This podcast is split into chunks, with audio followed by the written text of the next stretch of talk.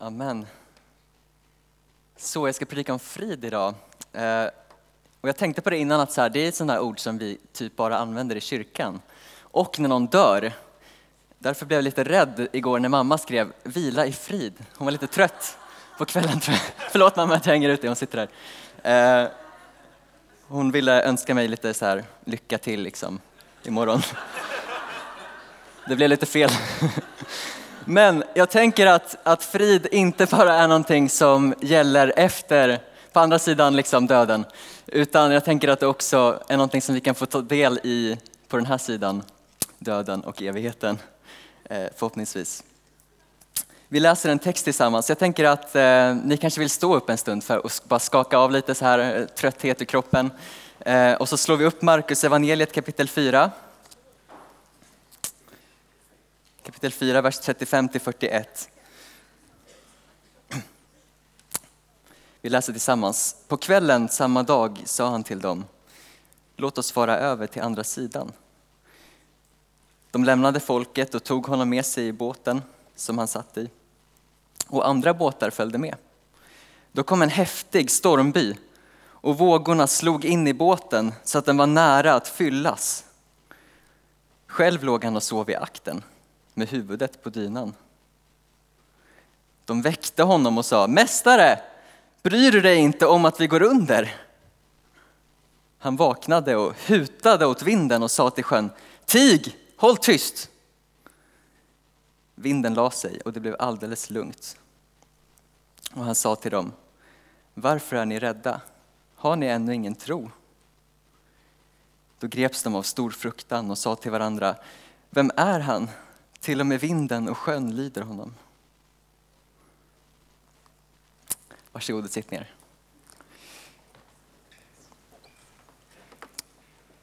Har du någon gång sett ett stormigt hav?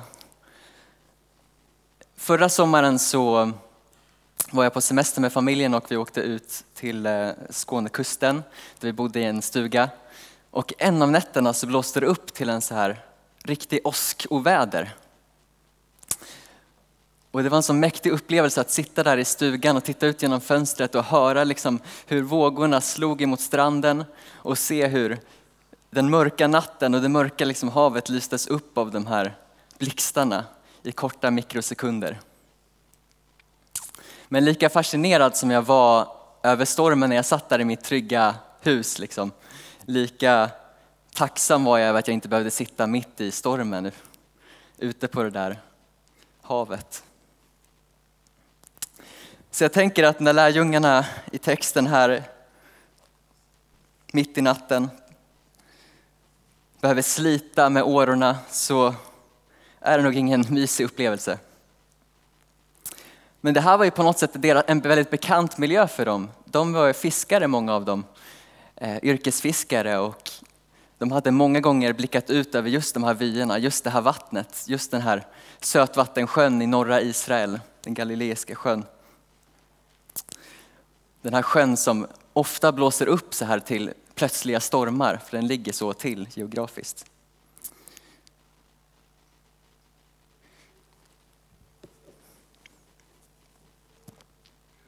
Men så äntligen vaknar Jesus, han hutar åt vinden och åt sjön.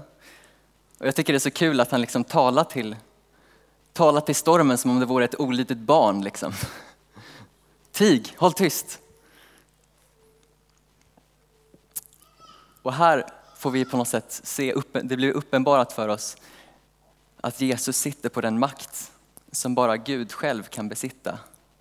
Att han har en auktoritet som till och med vind, vinden och liksom vädret måste lyda. Och så står det att det blev alldeles lugnt. Ett stort lugn. Och jag tänker, är det inte precis det här som vi längtar efter i vår tid? Det där stora lugnet, det, liksom det stilla havet. Det spegelblanka sjön. Jag vet att i, slutet av oktober så kommer det anordnas en sån här konferens, en mässa som heter Harmoni Expo. Där man liksom kan köpa, människor vallfärdar dit för att ta del av kristaller, köpa, köpa saker med energier och liksom healing och seanser. Jag tänker att det här ligger i vår tid. Den här längtan efter stillhet. Kan jag inte bara få lite lugn och ro? Vi söker friden i vänners komplimanger, vi söker friden i, i våra fullspäckade scheman som liksom ska bevisa för någon hur viktiga vi är. Hur. Vi söker frid i dyra charterresor till Dubai. Vi söker frid i fjällvandringar och i klacken på fotbollsarenan. På teatern.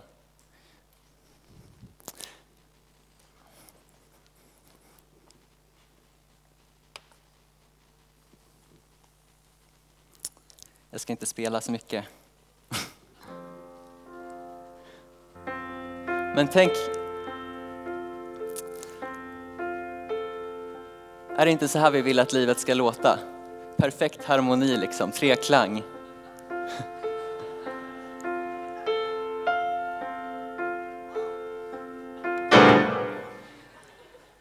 Men så inträffar det, det plötsliga, det som var bekant, det som vi kände till. Den sjön som hade gett de här fiskarna föda varje dag, det som var deras arbetsplats. Plötsligt så sker det där oberäkneliga. Eller i våra egna liv. Skilsmässa, krig. I Ukraina, pandemi, sjukdomsbesked, sjukhusbesök, mobbning, Och det som händer, tänker jag, i krisen, det är att vi slås av en insikt, en insikt som är att jag har inte kontroll. Jag sitter inte med kontrollspaken i mina egna händer. Det, möjligtvis så sitter jag med årorna men så kommer stormen. Och Jesus sover mitt i stormen. Jag tänker att det här visar oss två saker. Jag ska tala om två saker som friden inte är utifrån detta. Han sover mitt i stormen. Jag kan inte klandra honom för jag vet att Jesus har haft en väldigt tuff dag. Han har haft det jobbigt. Folket har liksom tryckt på honom. Det har varit så mycket människor som har tryckt sig på honom och velat komma nära så att han har behövt liksom ställa sig ute i en båt på vattnet och undervisa därifrån. Så han är nog trött den där natten i båten när han ligger i fören och sover på en dyna. Men det är inte märkligt. Och det är, lärjungarnas reaktion är fullt liksom begriplig. Hur kan inte ligga här och sova? När vi håller på att gå under. När båten håller på att fyllas med vatten. Vi håller på att dö. Vi kan drunkna när som helst. Det är provocerande. Och det är det här som jag tänker är spänningen i texten. Och det, det gör att vi måste fråga oss vad frid är. Och jag tänker det första då, vad frid inte är. Ibland kan man närma sig sanningen med hjälp av negotationer. Liksom. Friden är inte produkten av ett perfekt liv.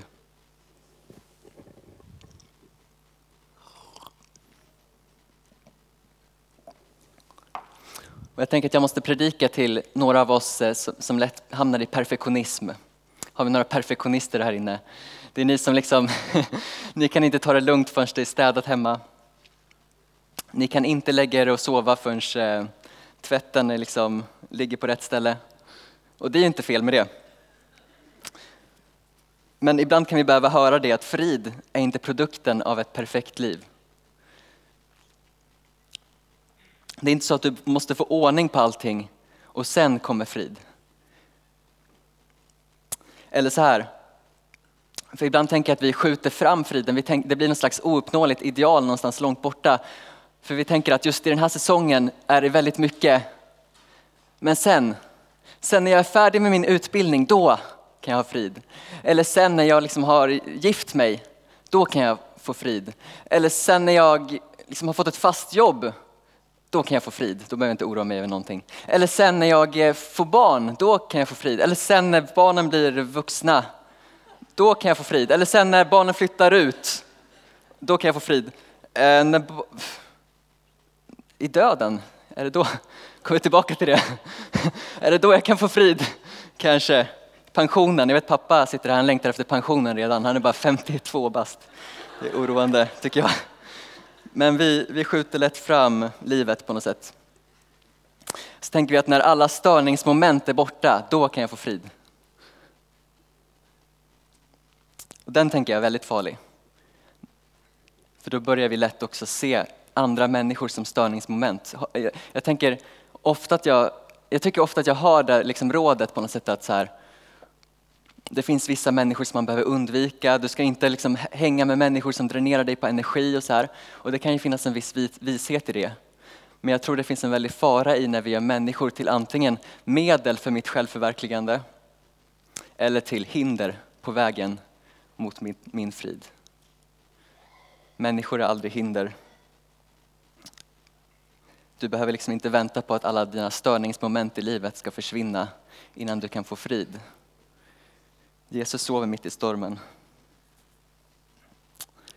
Och för det andra då, friden är inte verklighetsflykt.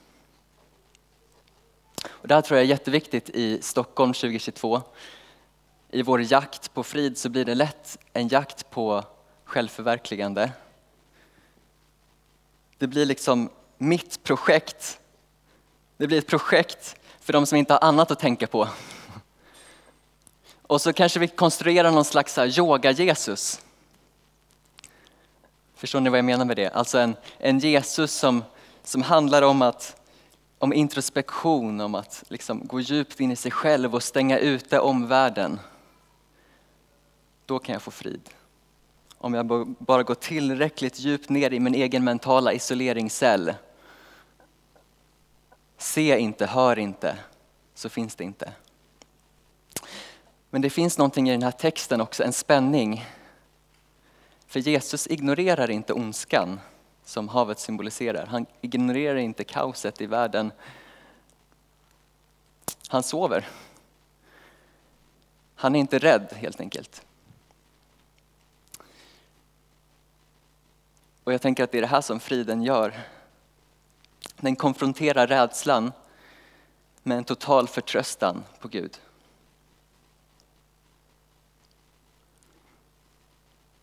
konfrontera rädslan med en total förtröstan på Gud. Så låt mig sammanfatta lite vad jag sagt hittills.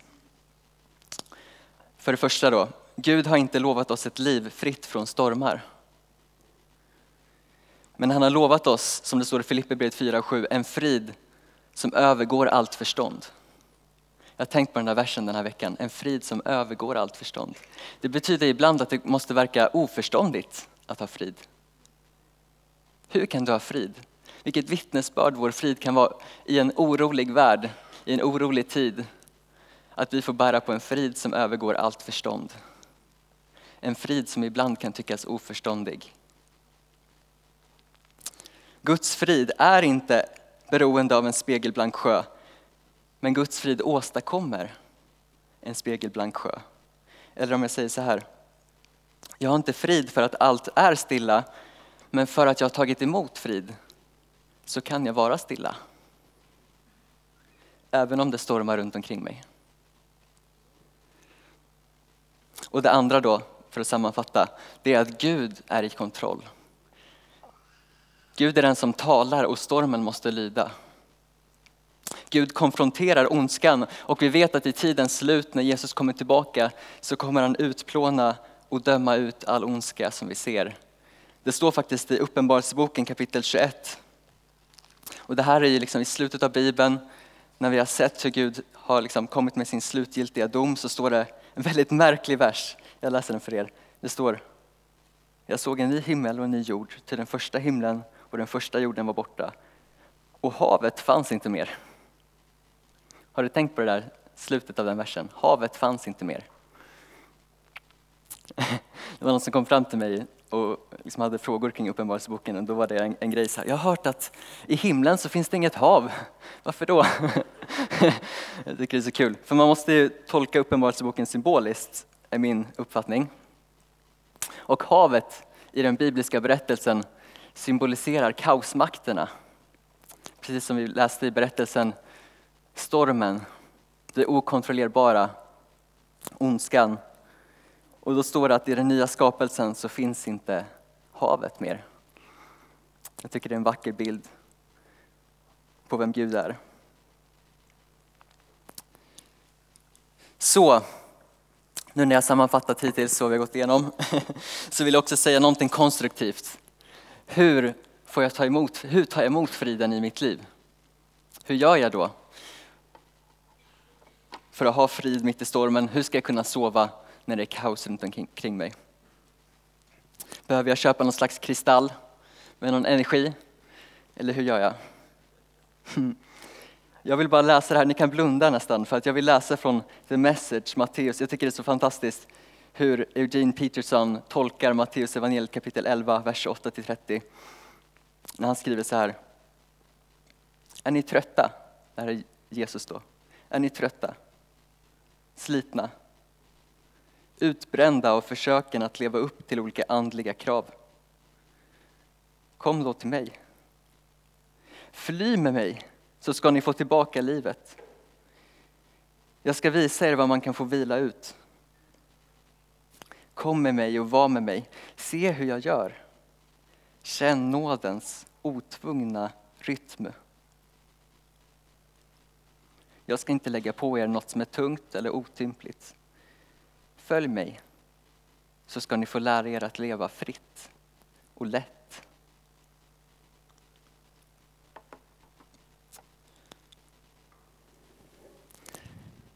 Känn nådens otvungna rytm.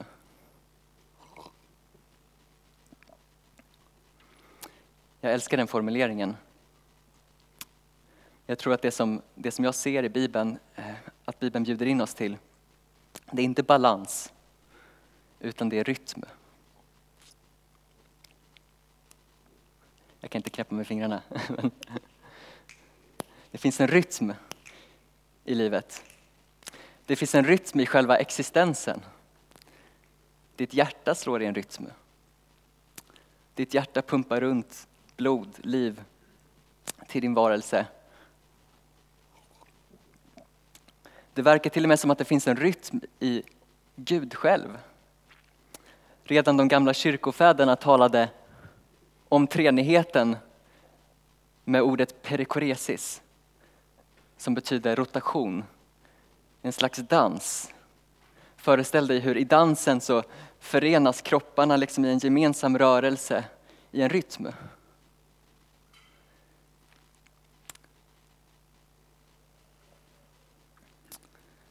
Om vi ser på den bibliska berättelsen så har vi en rytm i sabbaten till exempel. Den sjunde dagen skulle vara en vilodag. Den sjunde dagen vilade Gud och det här får bli en rytm i Israels liv. Den sjunde dagen så ska ni inte arbeta. Ni ska inte ägna er åt några sysslor. Det blir en rytm, en livsstil.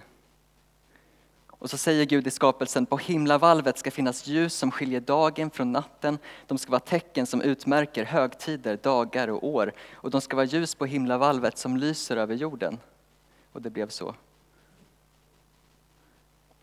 Alltså Gud har konstruerat hela universum för att inge oss någon slags rytm. Och Israels folk lever i en rytm av högtider där de hela tiden levande gör berättelsen som de är en del av. De påminner sig om det Gud har gjort. Det finns vissa dagar och högtider som utmärker just händelser i deras historia. Och även i Nya Testamentet så ser vi ju att de första kristna samlas på söndagen, uppståndelsedagen. För att varje söndag får bli en ett firande och en påminnelse om Jesu uppståndelse. Alltså varje vecka så, så liksom påminns det, det blir en rytm i vårt liv där vi får komma tillbaka till Jesu uppståndelse och fira det. Och jag tänker också på nattvarden, vad är det Jesus säger när han inviger nattvarden? Han säger, gör detta för att minnas mig. Inte en gång, utan någonting vi tar kontinuerligt, får bli en del av kontinuerligt så behöver vi påminna oss, vi behöver ta del av den här berättelsen. Vi behöver göra det till en rytm i våra liv.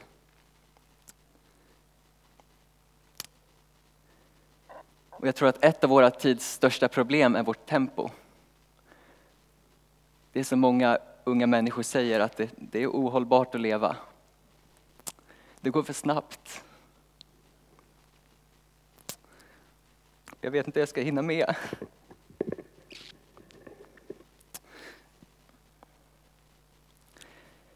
Hur kan vi ge rum för vilan? Hur kan vi göra avkall på saker? Hur kan vi hitta tillbaka till Guds hjärtslag?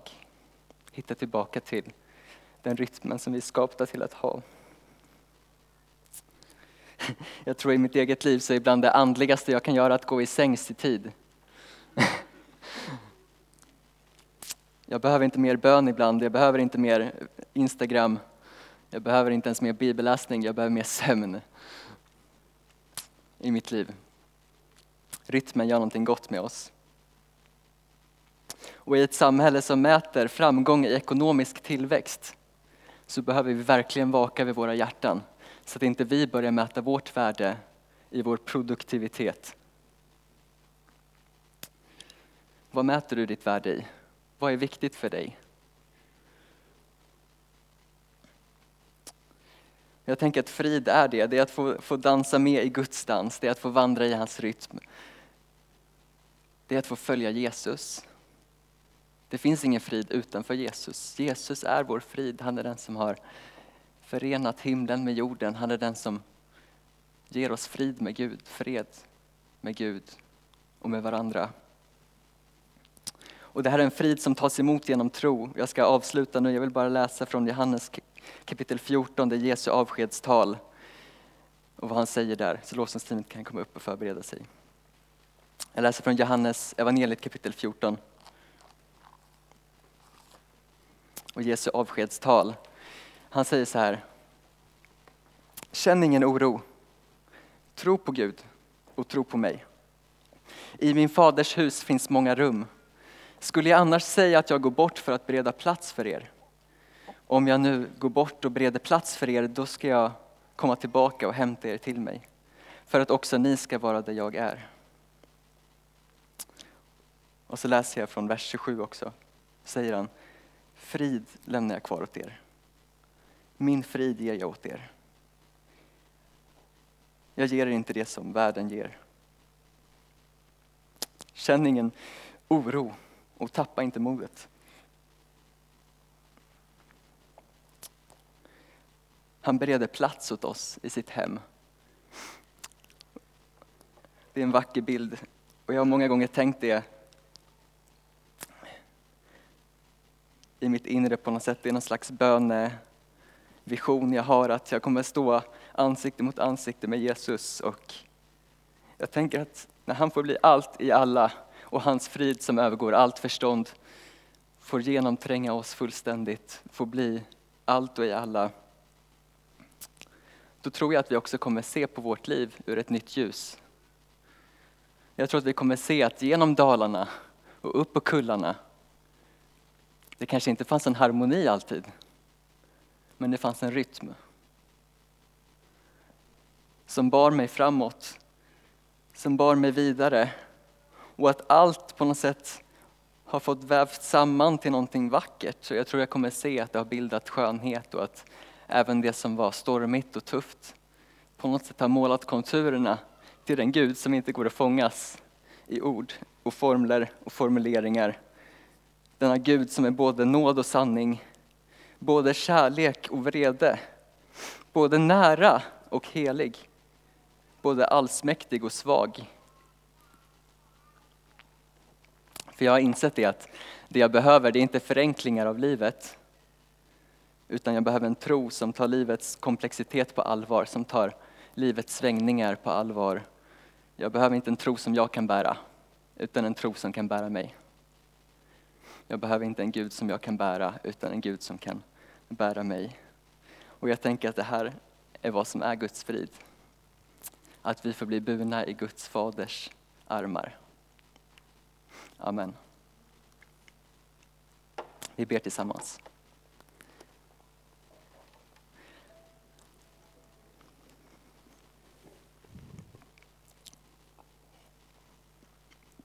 Tack Fader för din frid. som vi inte kan sätta i ord, som vi inte kan fånga i ett enkelt koncept, en trestegsraket. Men som övergår allt förstånd. Och erfarenheten av din frid, Fader, den förändrar allt. Den tränger in i vårt, vår djupaste längtan, Herre, efter lugn och ro, efter stillhet. Och den gör allting helt, den sätter alla bitar på plats. Du är fredsförsten. Du är den som för in freden på jorden och friden inom oss. Och jag ber Jesus att vi ska få erfara dig just nu Gud. Kom och rid in på din åsna, i din ödmjukhet. Vi vill ta emot dig i våra hjärtan Jesus. Kom med din frid i den här lokalen just nu Jesus. Vi behöver få erfara hur du stillar all oro. Vi behöver få erfara hur du släcker all oro och ängslan. Hur du fyller oss med den stillhet och den frid som bara du kan ge. I Jesu mäktiga namn vi ber. Amen.